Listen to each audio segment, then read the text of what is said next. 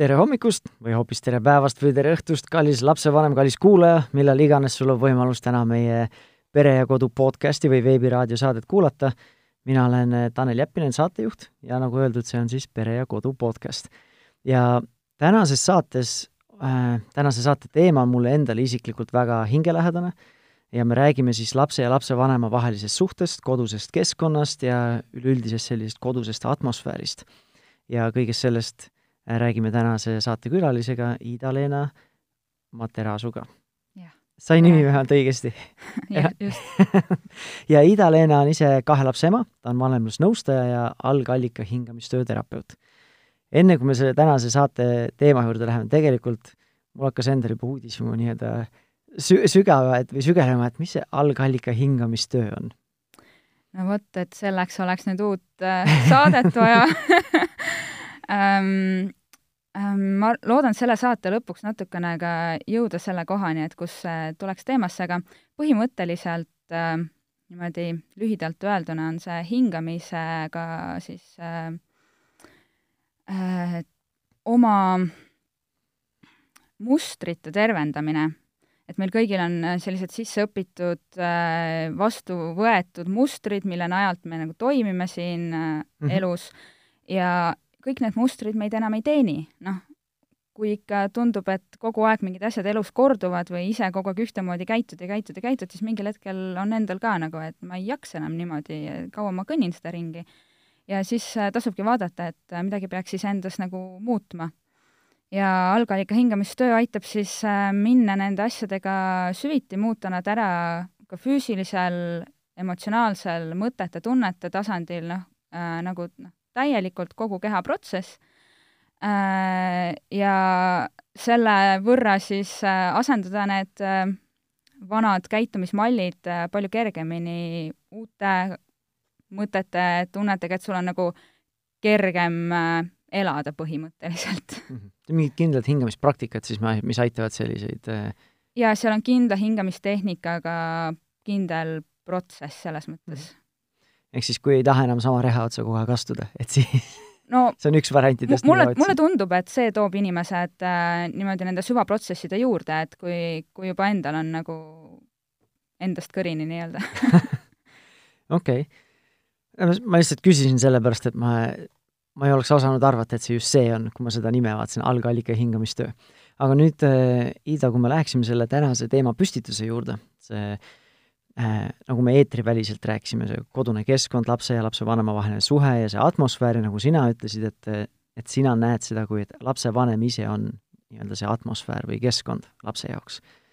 et ma nõustuksin sellega, et minu, kui ma lihtsalt kuivalt nii-öelda kõrvalt vaatan, et ja väikese beebi jaoks on see kindlasti tõsi, väiksema, suurema lapse puhul, ütleme näiteks teismelise puhul ma näen, et lapsevanem on kindlasti üks osa sellest atmosfäärist, aga saad sa natukene laiendada või siis äh, kirjeldada, kuidas sina seda näed?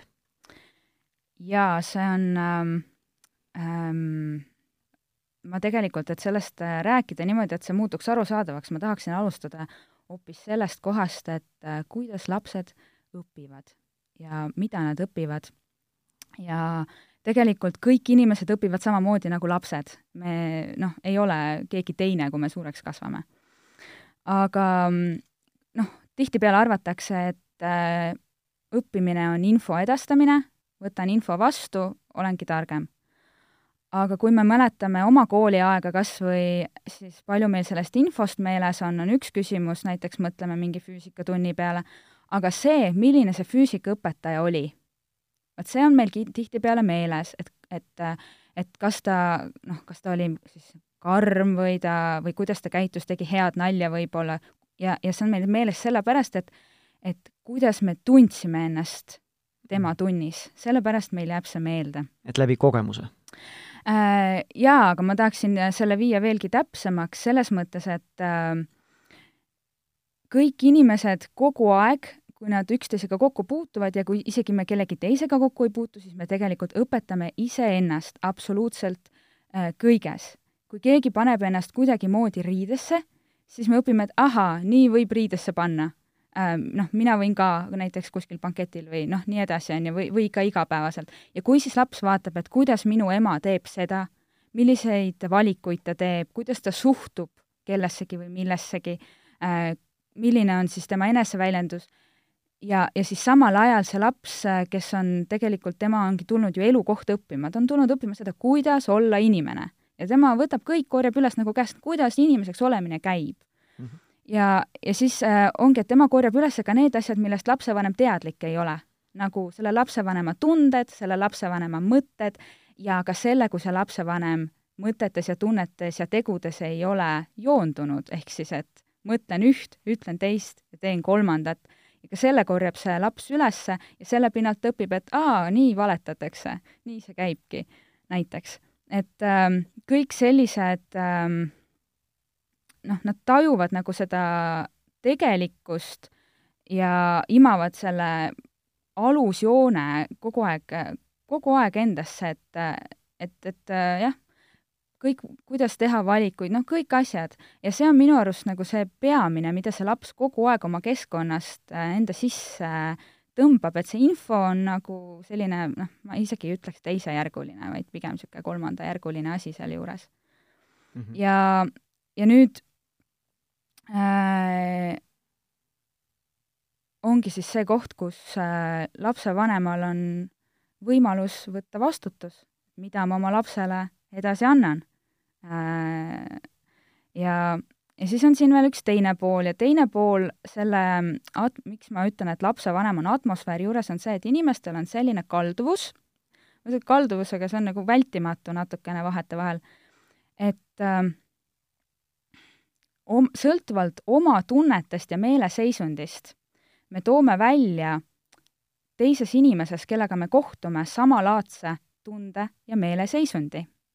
Ja kui kumbki pool ei ole sellest teadlik, siis tavaliselt see nii äh, läheb, et see, kellel on selline tugevam tunne ja tugevam meeleseisund, see, see võetakse siis teiste poolt üle. ja kui näiteks laps on oma tugeva tundega, siis lapsevanem tihtipeale võtab selle üle, ärritub ka. või siis, kui lapsevanemal on mingisugused alateadlikud noh, tunded, siis laps jällegi korjab selle üles ja tema siis näitab seda välja, on ju, et seal on kogu aeg selline äh, ja, ja kui sa ütlesid, et, äh, et kas täiskasvanud või vanemate lastega, kas see toimib samamoodi, siis ma ütleks, et toimib küll, et kui palju on neid täiskasvanuid, kes väldivad oma vanemate koju minemist, sellepärast et nad tunnevad ennast seal kehvasti, sellepärast et nende vanemate ja nende vahele on jäänud mingid, võib-olla mingid noh, teismea suhted ja, ja iga kord, kui nad kokku saavad, siis nad lähevad jälle sellesse meeleseisundisse tagasi ja hakkavad seda nagu üksteisest jälle välja tooma mm. -hmm. et ähm, mingid lahend-, lahendamata nii-öelda teemad või, või olukorrad või? no ja inimesed ei mõtle selle peale isegi, et kuidas ma ennast siis tegelikult äh, tunnen ja, ja, ja kuidas ma seda väljapoole projitseerin. ja, ja ja mis laste puhul on oluline, on see, et laps ju õitseb siis, kui tema ümber on selline turvaline, rahulik õhkkond. siis tulevad tema parimad omadused välja ja koostöö ja, ja kõik selline, selline, mis meile tundub ka, et oo, mu lapsega on nii mõnus koos olla ja toimetada jah, et mul on lihtne laps sattunud lihtsalt no.. mõnel, mõnel päeval on, ma arvan, kõigil lihtne yeah. laps nii-öelda, aga siis me oleme ise ka lihtsad neil päevadel mm, -hmm. ma arvan. et, et aga mis see turvatunne ja selline rahukeskkond on, et see on see, kus ei ole hirmu. aga mm, hirm on äh, täiskasvanu, kes näiteks muretseb, tema kannab juba endas seda hirmumustrit, sest see, kuidas ma, noh, ma ei mõtle nüüd seda, et lõvi ründab, vaid ma mõtlengi just sedasama ähm, tänapäevast hirmu, et, et mida selles olukorras teha või kui ma ei jõua oma lapsega praegu mängida, siis kas ma olen halb lapsevanem. et need on kõik sellised all nagu, ma alati isegi ei mõtle seda mõtet niimoodi välja, aga ta kuskil meil justkui nagu ketrab ja see loobki sellise pingelise hirmu atmosfääri selle lapse jaoks juba no see lapsevanemal endal on kogu aeg selline ärevus nii-öelda alus, alusfoon või see taustafoon kogu aeg ärevus sees, et nagu kas ma olen piisav või kas ma teen seda hästi ja kas see nüüd on vale, kas ma nüüd olen halb ja ja, ja nii edasi. jah, ja see väljendub ka kehaliste pingetena, sest et ei ole võimalik, et sa oled jube lõdvestunud, aga mõtled kogu aeg mingeid niisuguseid mõtteid, on ju. no üks asi kehaliste pingetena, see nagu noh, väga otseselt kaldub ka, ka, kandub üle meie igapäevasesse suhtlemisse. et kui mul endal on sellised mõtted, kus ma kogu aeg iseennast tümitan või ma kahtlen iseendas ja siis nüüd laps parasjagu on mingitel põhjustel, olgu tal mingid vajadused täitmata või ta nii-öelda natukene võib-olla äh, rohkem vajab tähelepanu kui tavaliselt, siis endal on ka vähem empaatiat või kohalolekut ja seda nii-öelda perspektiiv, võimekust panna asju perspektiivi, et endal on ka vähem kannatlikkust.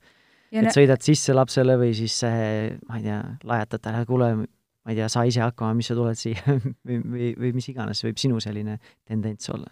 Jaa, ja ma tahan siin ikkagi välja tuua selle, et minu arust äh, ikkagi noh, üheksakümmend üheksa protsenti juhtudest see algab täiskasvanust, see keskkond. laps on lihtsalt tundlik ja ta vastab sellele täiskasvanu keskkonnale, isegi kui see täiskasvanu ei ole teadlik, mis temaga toimub siis lapse nii-öelda kannatamatus või tähelepanuvajadus tihti nagu ta hakkab välja mängima ennast just siis, kui see täiskasvanu ei ole teadlik, mis temaga toimub ja laps, lapsevanemal on vaja näha seda väljaspoolt, et aa, okei okay,, midagi on nagu korrast ära siin hetkel, mul on vaja võtta vastutus. et just ongi see, et hästi palju, mida tehakse, et see, kui ma isegi tunnen ennast halvasti, siis ei ole midagi nagu halba, no ikka kõik tunnevad ennast vahel halvasti, okei okay,, on ju. aga mis, mis kohas ongi see, et, et väga paljud inimesed ähm, ise ka ju vahel ja, ja, ja noh, teised ja kõik ja paneme selle endast väljaspoole, et sina oled süüdi, sina hakkasid jälle jaurama, no mida sa hakkad pihta jälle, on ju. aga tegelikult see ongi see koht, kus võtta vastutus. aa, aga kuidas ma saan kõigepealt ise lõdvestuda, kuidas ma saan ise märgata, mis minuga toimub, luua rahuliku atmosfääri, et see laps saaks ka seal nagu selle pinge uuesti nagu ära anda mm. -hmm. no siin oleks väike nii-öelda kõrvalepõige, aga nii-öelda tunnistamise koht igalühel, et et minu emotsioonid on minu omad, et minu laps ei tekita minus emotsioone.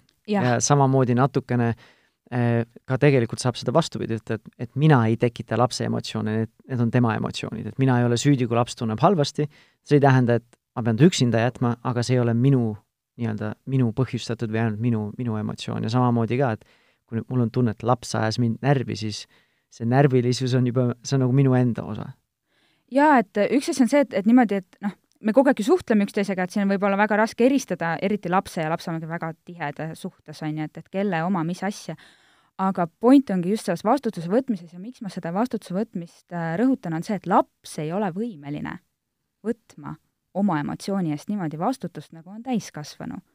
et ma ei saa lapsele öelda, et kuule, see on mingi sinu jama, mine tegele ise teises toas sellega, ma siin teen praegu kartuliputru et äh, ta, ta lihtsalt ei ole arenenud sinnamaani, kus tal oleks võimalik seda vastutust võtta, see on alati lapsevanema võtta, ükskõik, isegi kui mina olin jube heas tujus ja mulle tundub, et minu laps tuleb koolist, ütleme, või kuskilt väljast kellegi tülli läinud, sajab sisse, ikka võtan mina vastutuse kõigepealt selle eest, et ma ise jään selles olukorras rahulikuks, et ma saan sellele lapsele ka seda nagu rahu anda edasi sest et äh, kelle pealt see laps õpib seda vastutust võtma, et ta üldse hakkaks seda vastutust võtma, ja nüüd me läheme selle juurde tagasi, kuidas lapsed õpivad mm., ta õpib seda ainult siis, kui lapsevanem sõna otseses mõttes näitab talle ette iseenda peal, kuidas see käib.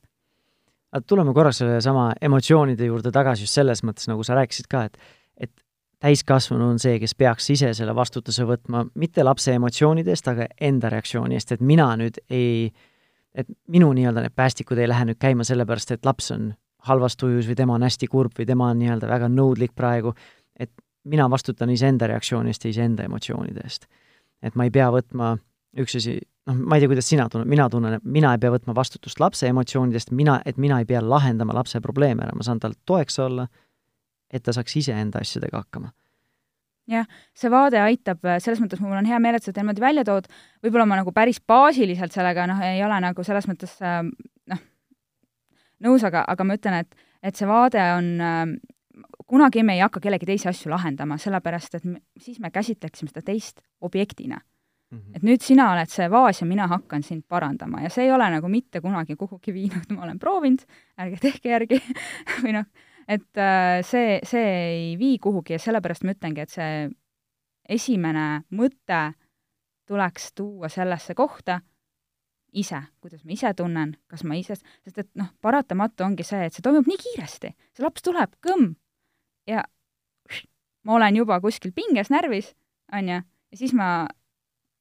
peaksingi tooma sellel hetkel selle tähelepanu endale, sest et tavaliselt, kui ma olen teadlik ja kohal, ja lõdvestunud, siis äh, teinekord võib olla, et käib mingi noh, pauk kuskil ja, ja, ja ma ei lähe sellega kaasa. ja ma suudan seda rahu, noh, õhkkonda luua.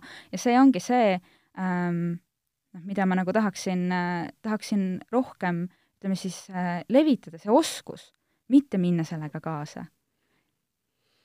nii, ma arvan, et paljud, lapsevanemad nüüd teritavad kõrva, et okei okay,, et ma küll tunnen, et kui mingi pauk käib, siis ma lähengi kohe kaasa, et ja pärast tagasi vaadates vaatasin, oh, miks ma nii tegin või miks ma niimoodi reageerisin, tegelikult ei olnud üldse vaja niimoodi teha ja või teistmoodi, et oskad sa siis nüüd mingeid selliseid nõuandeid siis anda, kust alustada seda, et jääda paigale või jääda nii-öelda enda keskmesse, et sa ei, ei lähe selle emotsiooniga kaasa või kellegi teise emotsiooniga kaasa, just et kui keegi teine nii-öelda tõmbab mingi teema käima, et mina saan siia jääda ja rahulikuks jääda. Jaa äh,, siin on ka mitu sellist äh, asja, et äh, kõigepealt tahan välja tuua selle, et juba sõitva rongi pealt seda kiirrongi peatada on nagu päris raske teinekord, et kui ma juba olen nagu noh, sinna peale hüpanud, siis seda nagu pidama saada on palju raskem, kui ennetada selle rongi sinna sõitu üldse. et sellepärast ma kõigepealt tahan rääkida sellest, et äh, kui ma teadvustan, et mina olen see atmosfäär, siis võiksin ma hakata looma iseennast ja oma nii-öelda mõtteid, tundeid korrigeerima, seda atmosfääri iseendas looma juba ütleme niimoodi hommikust saati sellisena, et, et on suur tõenäosus, et ma suudan seda nagu hoida. või vähemalt harjutada, harjutada, harjutada seda endas sellist äh, võimet. ja sellepärast ähm, äh, mulle väga meeldivad sellised hommikused rituaalid, et kui ma hommikul üles ärkan, siis äh, võin kohe küsida endalt, mis mind toetab olemaks tasakaalus äh, ja tundmaks ennast, et mu noh, kehas on kerge olla ja tundma ennast niimoodi hästi. ja siis noh, mõtlema oma keha peale ja meele peale. ja noh, minul näiteks on mitmete aastate jooksul see varieerunud, mida ma siis hommikuti teen äh,, kuidas ma ennast äh, sellesse nagu fookusesse toon?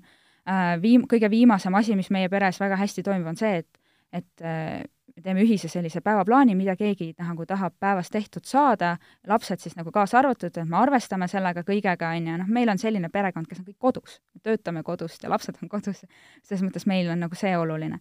aga ühtlasi ma olen näiteks seadnud hommikul kavatsust ja ühtlasi alati teen ka midagi füüsilist, et kas siis tantsida või teha joogat või mul mees käib, hüppab tiiki iga hommik. Et nagu mõtted selgeks saada, värskus, kehaline, füüsiline, kohe niisugune tšah, et on tei-, päeval nagu teine minek. veel, mis võib teha, kirjutada, mille eest ma tänulik olen, tuua oma tähelepanu teadlikult mingitele ilusatele asjadele, noh, kõik, siin on tegelikult ähm, väga-väga palju asju, mida saab nagu teha. Ja see ei ole selline, ei pea nii suurelt võtma, et võib mõelda, et mis on see kõige väiksem samm see kõige pisem asi, mida ma nagu saan iseenda toetamiseks äh, hetkel teha. ja seda võib küsida endalt päeva jooksul ka mitu korda ja see võib olla hästi dünaamiline ja, ja ei pea mõtlema, et ma pean nüüd minema spaasse, et lõdvestuda, vaid ma võin kodus ka, et äkki ma tahan praegu mingit tassi teed või, või, või, või lihtsalt ühe hingetõmbe teen, noh, see on nagu kõige kergem, kõige väiksem asi, ütleme, et, et natukene ennast nagu tuua. et äh, jah, ja teine pool sellest on see, et mida ma ei tee et kui ma juba tunnen ennast hästi ja mul on kerge, ütleme, et ma olen selle päevaga saanud nagu, on ainult läinud liikuma, siis ma pean natuke mõtlema sellele, et mis on need asjad, mis mind nagu sealt alla toovad. et tihtipeale ei ole need meie lapsed, vahel võivad olla, aga vahel me lihtsalt näiteks loeme Facebooki ja see lihtsalt kuidagi täiesti viib meid rajalt välja.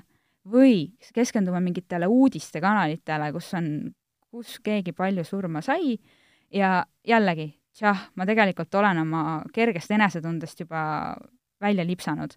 et, äh, et see on ka koht, millele mõelda. kui ma nüüd ümber, ümber sõnastan, nagu mina seda kuulsin, et põhimõtteliselt on see, et hommikul lihtsalt, et sul on enesehoolitsusplaan paigas, et iseendasse nii-öelda, ma ei tea, kas jutumärke peab siia panema või mitte, aga nii-öelda iseendasse investeerida et ja. nagu ma tean, äriinimestel või investoritel on nii-öelda see üks nii-öelda lööklause või see slogan on, et et äh, maksa iseendale ennem, et enne, kui sa hakkad oma arveid maksma, siis pane mingi osa kõrvale, mida sa kas uuesti investeerid või siis äh, mis on nii-öelda see kasum, on ju, ja siis vaata, kui loov sa pead olema, et oma arved saaksid ära maksta, on ju.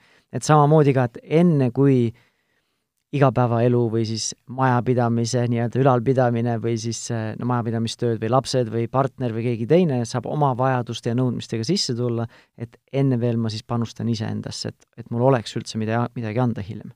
jaa, ja ma tahan äh, siinkohal tuua selle välja, et väikeste laste vanematel teinekord nad ütlevad, et kus mul see aeg? ma just tahtsin enne ise ka küsida. ma ei saa ju isegi öösel magada, mis ma siin hommikul, ma sihuke. ma pean nüüd tund aega veel varem üles ärkama? ja, ja, ja ei, see ei ole see, mida ma silmas pean. Äh, väga paljud asjad on need, mida me saame teha koos lastega. hommikul võtan lapsed, nii, mille eest me oleme tänulikud, mida ilusat me hetkel näeme, mis, mida me tahame korda saata päevas. või siis kerge viis minutit tantsu kõik koos hommikul noh, selleks ma ei pea nagu tund aega varem ärkama, on ju. okei okay,, laps ei tule kaasa, ma tantsin ise, on ju, tuleb, ei tule, vahet ei ole, las ta siis teeb omi asju. et ja teine asi, et päeva jooksul mul on ka võimalik võtta neid pause. kas inim-, noh, tõesti, ma isegi ei ütle viis minutit, viis minutit pikk aeg teinekord. et lihtsalt korraks vaatan midagi, ei annagi hinnangut sellele asjale, mida ma vaatan, ei mõtle sellest asjast, mul on juba nagu fookus on natukene rohkem paigas nii-öelda värske, värskendad oma meelt korraks, mingi teadveloleku või, või, või siis toon tähelepanu kehale. et mm, -hmm. et teinekord me käime päev läbi lõug pinges või õlad kergitatud, ei pane ise tähelegi. et äh, võin ka korraks lihtsalt tuua kehale, et huh, nii, jaa, võin lõdvestuda. et äh, see on nagu üks pool, et kuidas ma seda momentumit nagu õigesti käima saan. ja teine pool, mida ma tahaksin äh, välja tuua, on see, et täiskasvanud inimesed kolivad oma kodust välja, loovad omale uue kodu tavaliselt. et selle füüsilise keskkonna eest hoolitsetakse väga hästi äh,. jah, võtame veel sisedisaineri ja et kõik ja. ilusti välja, hea välja näeks ja mõnus oleks olla ja nii edasi. no mitte kõik, aga meie ei ole seda teinud, aga aga lihtsalt nii-öelda ekstreemne viia, et kui, mida me teeme, et see väline keskkond oleks nii-öelda, või silmaga nähtav keskkond oleks siis esteetiline või ilus, et mida, mida veel võib teha, on ju. et kui ja. palju me panustame sinna, et see väline keskkond oleks korras. just. aga sisekeskkonna korrastamise peale inimesed nii palju ei mõtle ja siis juhtubki see, et äh, sisekeskkonna me võtame oma lapsepõlvekodust kaasa ja, ja seal me nagu ei olekski välja kolinud mitte kunagi. et kui me ise lapsed saame, siis äh, me võime avastada, et isegi kui me väga-väga tahame teha teisiti, siis nendel kriitilistel hetkedel tulevad mingid automa-, automaatsed mustrid, sõidavad nii üle ja siis tulebki välja, et ahaa, ma olen tegelikult oma ema supipoti kaasa võtnud nii-öelda mm., piltlikult öeldes. no see on, me oleme enda perega väga palju kolinud äh,, sest me esimesed kümme aastat elasime kooselu ajal, elasime üürikorterites ja ma töötasin välismaal palju ja siis pidime vahepeal kolima. ja see oligi, et iga kolimisega me neid füüsilisi nii-öelda äh, ma ei tea, asju, lihtsalt jätsime iga kord kuskile ära, andsime ära uuskasutuskeskusse, mida meil ei olnud vaja, sest mis ma viin jälle uude koju, et siis teda lahti pakkida, kui ma teda ei kasuta, on ju. aga samas ongi, et siis selle lapsepõlve pagasi võtame alati kaasa, isegi ei vali, mida me sealt võtame või mida me jätame, et alati on meil seljakotiga kaasas ja ja mõnel on see väiksem, mõnel on päris suur, on ju, et aga kogu aeg on see kaasas, et seal ei tee sellist ülevaatust aeg-ajalt, et mis on üldse väärt kaasavõtmist ja mis mitte. jah ja tegelikult see on hästi oluline, sest nagu me ütlesime, et, et teinekord see laps tuleb ja ärritab meid millegagi. ja, mm, ja tavaliselt äh, see, mis meid ärritab, ei ole tegelikult seotud selle lapsega. Äh, ja et sellest aru saada, tahaksingi edasi anda viis sellist lihtsat küsimust, mida iseendalt küsida. ja millal seda teha, mitte siis, kui sa oled ärritunud, vaid siis, kui sul on see asi nagu möödas ja või siis niisama rahu hetkel sa suudad ka tagasi mõelda, sa tead täpselt, mis sind ärritab, kuidas su laps käitub tegelikult nii, et sa lähed närvi äh,. rahu hetkel võttes ette, kui mina seda esimest korda tegin, sedasama protsessi iseenda peal, ma sain neliteist punkti, nii-öelda neliteist punast nuppu iseendas, mida, neliteist erinevat asja, mida mu laps saab teha, et ma läheks täiesti närvi. ja see on päris palju muidugi. noh, eks ole, šanss on suur päeva jooksul ühte neist ikka teha mitu last, mitu last ka tõenäosus tõuseb nagu. ja, ja, ja täna hommikul ma tahtsin värskelt selle veel äh, läbi teha, siis ma tegin selle oma mehega läbi, kuna me olime, noh, sattusime koos autos sõitma. ja, ja, ja see tema puhul ka hästi toimis äh, selles mõttes kohe niimoodi, ma tahtsin olla teadlik, et, et ma ikka annan edasi midagi, mis sobib kõigile. Äh, et siis esimene asi on see, et ma teadvustan, mis asi see on, mis mind närvab, kuidas see laps käitub. teine asi on see, et mida ma oma kehas tunnen ja selle peale ei ole paljud inimesed tihti üldse mõelnud, sest et tunne, mina defineerin ja algallika hingamistöös samuti defineeritakse tunnet kehalise protsessina, aistinguna. see on siis midagi sellist, et surve kurgus või pinge peas või kuskil kõhus keerab või? kõhus keerab, kuskil on tuim, miski asi nagu hakkab väbelema, võrelema, võbisema või, või siis, või siis lihtsalt keel on paks või noh, mingi, mingid tunnen, et pulbitseb ja midagi kerkib siin mul rindkeres nagu no, üles. no just, et, et kõigepealt defineerin selle, et mis, mis on mu kehas, sest et vot kui vastsündinu ei sõnasta veel asju enda jaoks, aga vastsündinu õpib ju samamoodi nagu kõik teised inimesed ja tema salvestab seda endale tundetasandil. tema hakkab seda salvestama oma keha rakkudesse täpselt nende samade tunnetena ja hiljem need sarnased olukorrad hakkavad tal täpselt sedasama tunnet kehas üles tooma. ehk siis äh, tegelikult selle kehatunde kaudu me saame ühendust ka sellega, mis toimus meiega siis, kui me olime ise väikesed. ja teine küsimus, kolmas küsimus on siis see, et, et mida ma selle kohta mõtlen ja, ja siinkohal ongi siis see, mida inimesed tavaliselt tundeks kutsuvad, et kas mul on häbi või ma kogen, et ma ei ole kuuldud näiteks, või, või et ma ei ole piisav või mis see, mis see mõte siis sinna juurde on?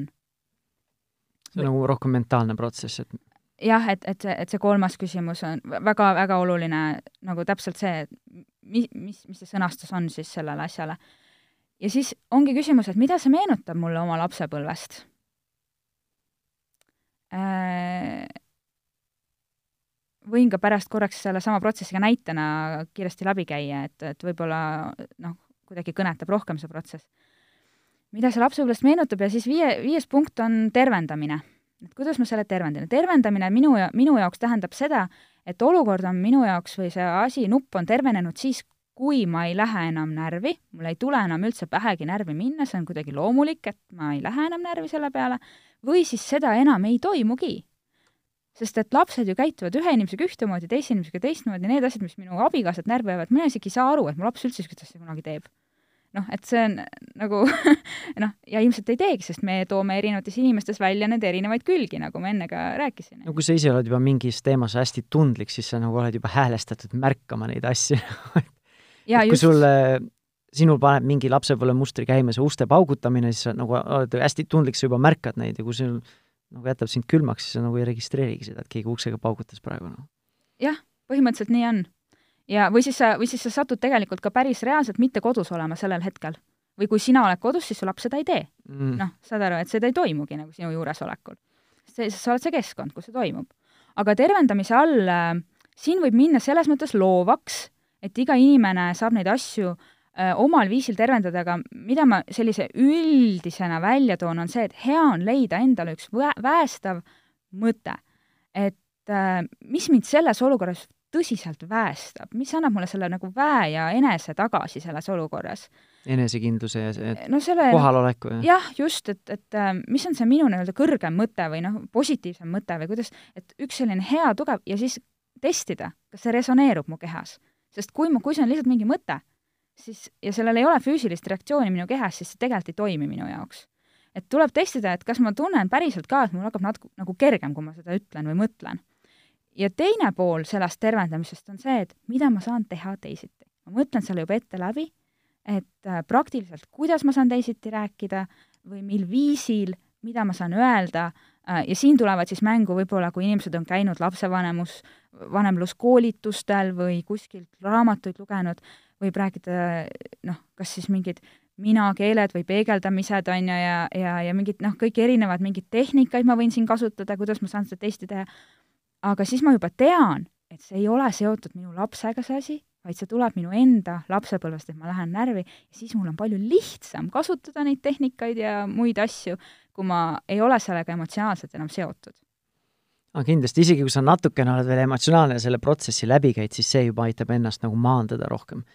Ja aga ma üks, mitte et sinu protsessi nüüd mingi täiustada, aga üks asi, mis ma ise olen teinud äh,, väga sarnaseid, sarnast protsessi nagu läbi käinud, kui ma üks-ühele olen peredega töötanud, et üks minu selline lemmikküsimusi seal enne seda, nii-öelda seda tervendamiskohta on olnud just see, et kas see, kas see uskumus või see muster teenib mind praegu. Või kas see teenib, teenib minu lapse huve või seda, neid väärtusi, mida ma ise tahan oma lastele edasi anda.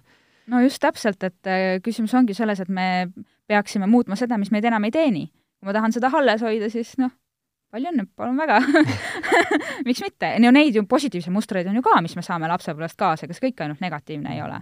aga mõnikord on, on just selline koht, et et ma soovin nagu sellest mustrit lahti, mustrist lahti saada, aga tunne, tundub see, et see muutmise nii-öelda pingutus, et seda muuta, on suurem võib-olla, kui sama mustrit jätkata, noh. et see võib-olla nii-öelda see kahju sellesama mustri jätkamisega ei ole võib-olla ise ratsionaliseerid või vähendad, et see ei ole võib-olla nii hull, et nagu, et see muuta ennast on veel suurem nagu pingutus, et mille, kuidas sa sellele vastad? Ähm, ma ütleksin, et kodus üksinda ennast muuta teinekord ongi raske. ja ma olen sellega täiesti nõus ja see ongi pingutus ja sellepärast äh, siinkohal minu arust tulevadki mängu, et kui ma tunnen, et ma ei taha seda teha üksinda, ma tahan sellest toetust, ma tegelikult tahan sellest lahti saada nii-öelda või, või muuta seda, siis ma tegelikult soovitangi äh, võtta toetust, et äh, kas siis noh, mina teen algallika hingamistööd, sobivad ka loomulikult teised süvateraapiad, mis tegelevad kehaga ja keharakkudega, nende tasanditega, mis me võtsime endasse siis, kui me veel ei olnud verbaalsed et äh, noh, tihti tuleb nagu sinna tagasi minna, et, äh, et oma süsteemist seda nagu päriselt ka muuta ja siis on nagu lihtsam, siis on lihtsam seda kõike igapäevaselt teha. saab ka ilma, äh, noh, aga see on nagu, ütleme niimoodi, et pikem, ma ütleks, pikem protsess või nagu, ma ei tea kedagi, kes on, kes on päris üksinda niimoodi lihtsalt ilma teraapia, nagu niimoodi süviti minekuta, päris lõpuni niimoodi, aga, aga ennast toetada igapäevaselt ja aidata ikka saab et selles mõttes. no palju aitabki just see, et kui sa võtad aega iseenda jaoks, et kui sa oled nagu, sul on endal selline tunne või uskumus, et nüüd sa oledki igale poole pead kogu aeg jooksma, sul ei ole aega iseendalegi võtta, siis nagu sellises kohas on väga raske üldse ennast toetada isegi. et sul on vaja võtta endale aega ja seda energiat, et sa tuled korraks kohale iseenda juurde, kas või see, et sa kontrollid ja vaatad, kuidas sa ennast tunned, mis mõtted sul on ja nii edasi. jaa, et paljudel inimestel ei olegi seda harjumust tegelikult toetust küsida mina isiklikult noh, mina, minu jaoks on see nii loomulik, äh, sest et mul on endal ka nii-öelda inimene, kelle poole ma pöördun, terapeut, kui mul on endal mingi teema, jama, millega ma üksinda, ma tunnen, et ma tahan toetust, ma ei taha sellega üksinda tegeleda, teine laps sündis, äh, noh, oli esimese lapsega alguses päris keeruline, tekkisid noh, sellised asjad, mida ma ei noh, ei ole, ma ei olnud valmis selleks. ma läksin samamoodi, et kuule, et mingi, mingi jama on, et vaja on natuke toetust jaa, see on üks asi, mis tundub, et tänapäeval on natukene juba jälle muutumas, et ma ütleks üks-kaks põlvkonda tagasi see, et mingi terapeudi juurde minna või, või olgu ta siis nii-öelda psühholoog, olgu ta sul paari- või pereterapeut või mis iganes või mingid alternatiiv, mingid teraapiad, et see nagu ei olnud väga selline levinud, et nüüd üha levinum on, et mina käin ise näiteks pereteraapias äh, või baariteraapias ja siis aeg-ajalt võtan ka nii-öelda individuaalsessioone, et ongi, et aidata ennast nii-öelda maandada ja tulla tagasi nii-öelda iseenda juurde. küsimus on ju see, et kui oluline see suhe minu jaoks on, on ju. ja minu jaoks suhe lapsega on selles mõttes isegi noh, järg, ütleme, et suhe iseendaga on kõige olulisem suhe. ja järgneva minu arust on kohe suhe lapsega, sellepärast et mehest sa võid elu jooksul või naisest sa võid elu jooksul lahku minna ja siis arutama pundart, on ju. aga lapsest sa lahku ei lähe, tema on sul kuni surmani sa saata ja see suhe kestab sul, sa ei saa nagu seda ära lõigatada ja nagu ei kao kuskile su elust. no selles mõttes selles ma nagu nõustun, see, samamoodi on ka, et eh, nii-öelda julgustada ja ju, nii-öelda teadlikult äh, panustada laste, õdede-vendade omavahelistesse suhetesse, need on ühed pikemaajalisemad suhted meie elus üldse tavaliselt, nad on sünnist saati, vähemalt noh, kui üks on väga palju vanem, siis vähemalt noorema lapse sünnist saati on ju, vanemal lapsel siis ei ole sünnist saati aga need on suhted, mis saadavad meid sünnist kuni surmani enamasti või nagu väga ligilähedaselt, et juurutada nii-öelda tervislikke mustreid seal ka äh,. Aga samas ma arvan, et ma tean vastust, aga igaks juhuks küsin üle, et aga kuidas sa peresüsteemis siis samamoodi paneksid lapsega suhte ettepoole kui partnersuhtle, partnerlussuhte? Äh, ma ei ole seda kunagi kusjuures niimoodi prioritiseerinud eraldi, et ähm, minu jaoks on need suhted mõlemad väga olulised ja ma ütleks, et see sõltub ka ajaperioodist, et kui on ikkagi vastsündinu majas, siis paratamatult see vastsündinu äh, saab selle põhitähelepanu ja siis, kui on, ütleme, selline nagu see lapse nii-öelda nende esmavajaduste katmine on lahendatud, siis, siis, siis kindlasti see suhe mehega ja noh, selles mõttes võib-olla mina olen ka natukene halb inimene, kellelt seda küsida, sest noh, tahan niimoodi, et mul on väga hea suhe oma mehega. Et meil, me, me nagu noh, aga jah, selles mõttes ma, ma kindlasti ei ütle, et, et, et siin peab mingi nagu ma natukene nagu urgitseks, aga ilmselt see hea suhe ei ole lihtsalt see, et nagu lihtsalt on ja kõik nagu, et mitte midagi ei saa teha, et halvaks teha ja mitte midagi tegelikult pole nagu pingutanud või teinud, et on selline hea suhe, et see ilmselt on ju seal ka teadlikud sammud, mida te teete, et see on selline lähedane suhe. jah, me räägime päris palju ja, ja, ja proovime rääkida ikka sellest kohast, kus keegi ei mõista kedagi hukka. et selles mõttes küll. hinnanguteta? jah. ja no ilmselt siis ei ole ka ainult sellest, et kes prügi välja viib, kes homme poes käib ja nii edasi, et rääkida nendel teemadel tegelikult, mis korda läheb, mis südames on mis hinges on, on ju. jaa, ja kui isegi vahel on nii, et räägid aasta aega järjest sellest, kes prügi välja viib, siis ei tohiks seda endale ette heita. et nojah. Nõustun, lihtsalt äh, ei ma sada protsenti nõustun, et oi nüüd, ma oleme ainult sellest, nendest asjadest rääkinud, nii-öelda logistilistest asjadest, et nüüd me oleme hukkas. see ei olnud nagu selle eesmärgiga öeldud või nii-öelda, et nüüd kuulajale hinnangut panna, pigem selles, et et nii palju, kui mina olen iseenda peres kogenud ja teistes peredes näinud, kellega ma töötanud olen, et siis sellised logistilised arupidamised ja jutuajamised tavaliselt ei vii suhet nii-öelda, ei anna sellele suhte sügavusele midagi juurde? ei, ei, seda mitte jah, et äh, ja noh, selles mõttes juba ka, et mina ei leia, et äh, lapsevanemad peaksid ainult lastest rääkima. et kui, kui, kui sa mingil hetkel tabad, et te mehega räägite ainult lastest või, või, või naisega ainult lastest, et siis, siis tuleks ka nagu võib-olla korraks tulla selle juurde, et et kas meil on millestki muust ka rääkida, et laiendada seda, seda saab, minu arust on mingid äh, jututeemade kaardid äh, ja lisaks netis on kindlasti ka igast asju, mida saad alla ajada, et kümme vestlust, mida oma mehe või naisega pidada ja nii edasi, et kui kui, see... kui on vaja natukene nii-öelda sellist äh, ma ei tea, kas motivatsioon või innustust või sellist inspiratsiooni, millest me nüüd räägime, kui me oleme nii pikalt ainult majapidamis- ja pereteemadel rääkinud? alati on ka hea iseendast rääkida. kuidas ma tunnen ennast taaskord või mis, mis, mis, mis toimub minuga, kus ma omadega olen, mida ma tahan. jah, et see, aga see läheb võib-olla sellest laste teemast mm -hmm. hetkel välja äh,. Ma tuleksin tagasi nüüd selle just lapse ja lapsevanema vahelise suhtele, suhte juurde, et me rääkisime sellest, et kuidas lapsevanem saab ise vastutuse võtta sellest, kui kuidas ta ise olukordades on äh,, reageerib, oma emotsioonide eest vastutus võtta ja nii edasi, et mis on veel mingid sellised ma ei tea, kas taktikalised või aga, aga vähemalt praktilised äh, sellised mõtted kuidas siis lapsevanem saab ise siis teadlikult panustada enda ja lapse vahelisse suhtesse hmm.? Hmm. Niikaua, kui sa mõtled, ma vaatan seda korraks mõelda, et siis ma lihtsalt ja. enda natukene äh, ise konteksti anda, et see on üks asi, millesse mina usun sajaprotsendiliselt, et et sellesse tuleb nagu teadlikult äh, panustada.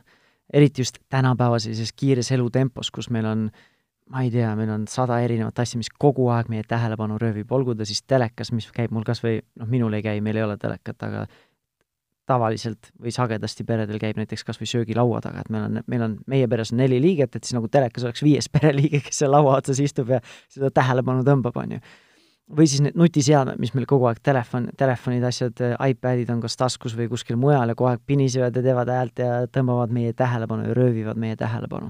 või siis kas või see, et ma olen tööt-, töötav lapsevanem, tulen koju, töömõtted tulevad kaasa ja nõuavad nii-öelda mingit sellist mentaalset äh, äh, ikka nagu energiat, et, et kuskil kuklas nagu on, et nad võtavad seda energiat ja tähelepanu ära, et ma ei saa olla sada protsenti siin. et ma leian, et tänapäeval me peame nagu võib-olla natukene kurb, aga me peame nagu teadlikult suhtuma või vaatama, et mida ma saan teha, et sellesse suhtesse panustada.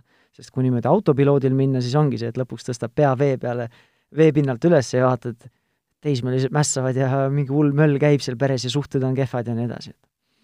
Jaa, et ähm, mis ma nüüd võtsin selle mõttepausi, on see, et minu jaoks on see nagu ääretult dünaamiline, mida ma teen. et see tulebki täpselt sellest kohast, see vastus sellele küsimusele, kus ma äh, tulen kohale, võtan sellesama hingetõmbehetke ja siis ma küsin endalt, mis see on, mida ma saan hetkel teha, et seda suhet toetada, mis see ühendab? kui ma olen midagi ütlemas, kas see, mida ma olen ütlemas, kas see pigem eraldab või see pigem ühendab? käin korraks selle mõtte läbi. Ja noh, siis ma, ma võin ju öelda mingisuguse nõuande siin, et jah, et, et äh, pöörake tähelepanu oma lapse huvidele ja, ja, ja küsige ja, ja olge nagu seal sees, et mis, mis sind päriselt huvitab ja ja, ja rääkige seal kaasa, aga kui see lapsevanem läheb sedasama nõuannet täitma selle koha pealt, kus ta nagu tahab linnukest kirja saada või vaatab seda last kui objekti, see laps saadab ta lihtsalt pikalt noh, et äh, seal tuleb ikkagi, sellest ei saa mööda minna, et ma pean kõigepealt tulema enda juurde, tulema kohale, tulema sellesse rahukohta ja siis ma võin minna ja huvi tunda ja päriselt huvi tunda. ja sellest kohast äh, see laps juba võtab mu vastu. et, äh, et ma ei saa nagu fake ida seda lapsega.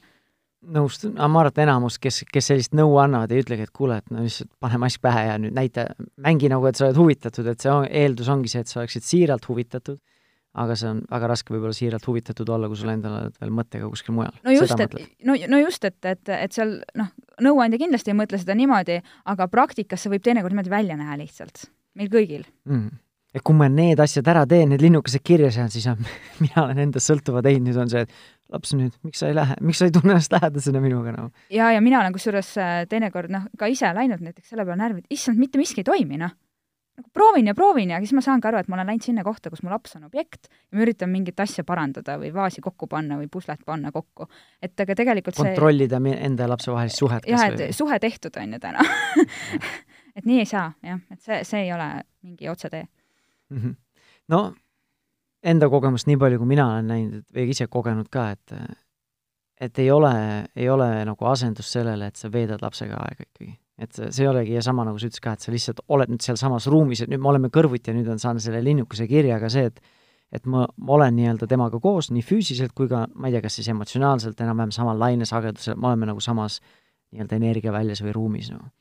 et äh, lihtsalt olla, mõnikord ei peagi midagi tegema, lihtsalt vedeleme seal põrandal oma kaheaastasega tema mängib oma kopaga ja ja kogu lugu nagu mängimegi kopaga ja kogu lugu ja, ja mina olen avastanud, et kui ma olen sellises kohalolu kohas, et isegi kui ma teen näiteks süüa, aga ma olen täiesti kohal selles porgandi lõikamises, siis mu lapsed on äh, ka noh, palju iseseisvamad.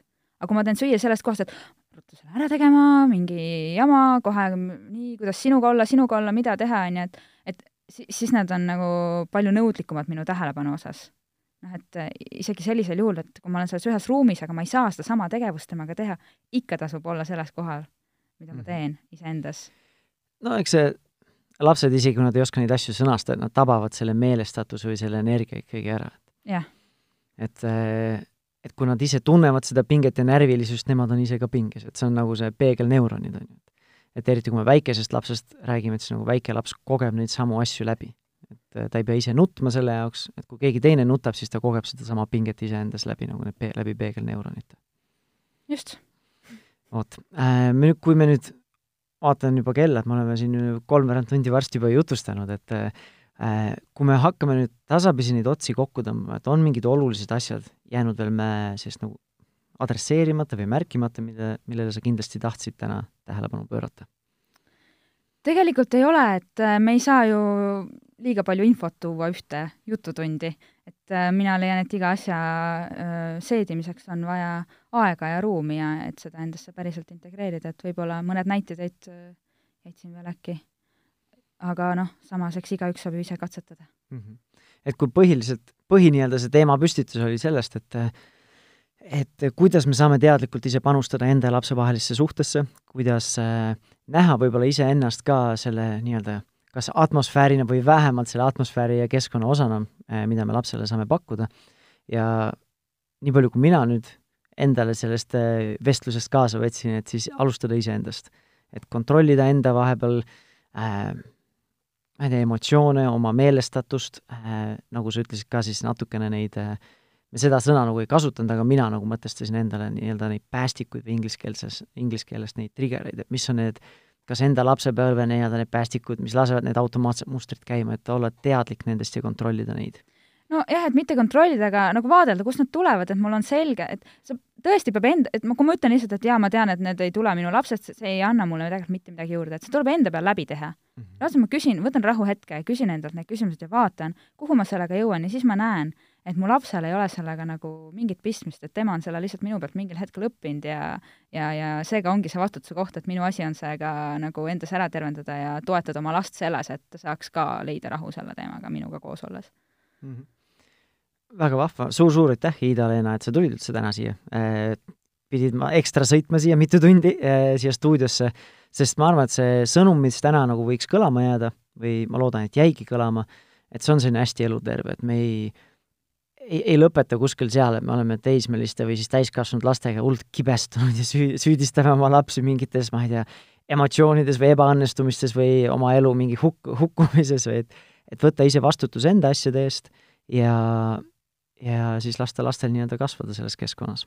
jaa, ja imeline on see, mis on juhtunud ju minuga, ma näen seda noh, kogu aeg ja, ja ka, ja ka klientidega, et kui me tõesti astume selle sammu ja me loome täiesti teadlikult sellist teistsugust atmosfääri iseendas, siis meie lapsed hakkavad ise muutuma, neid ei pea muutma, midagi ei pea selleks tegema, vaid see laps selles atmosfääris lihtsalt hakkab teistmoodi käituma, mis on nagu väga lahe.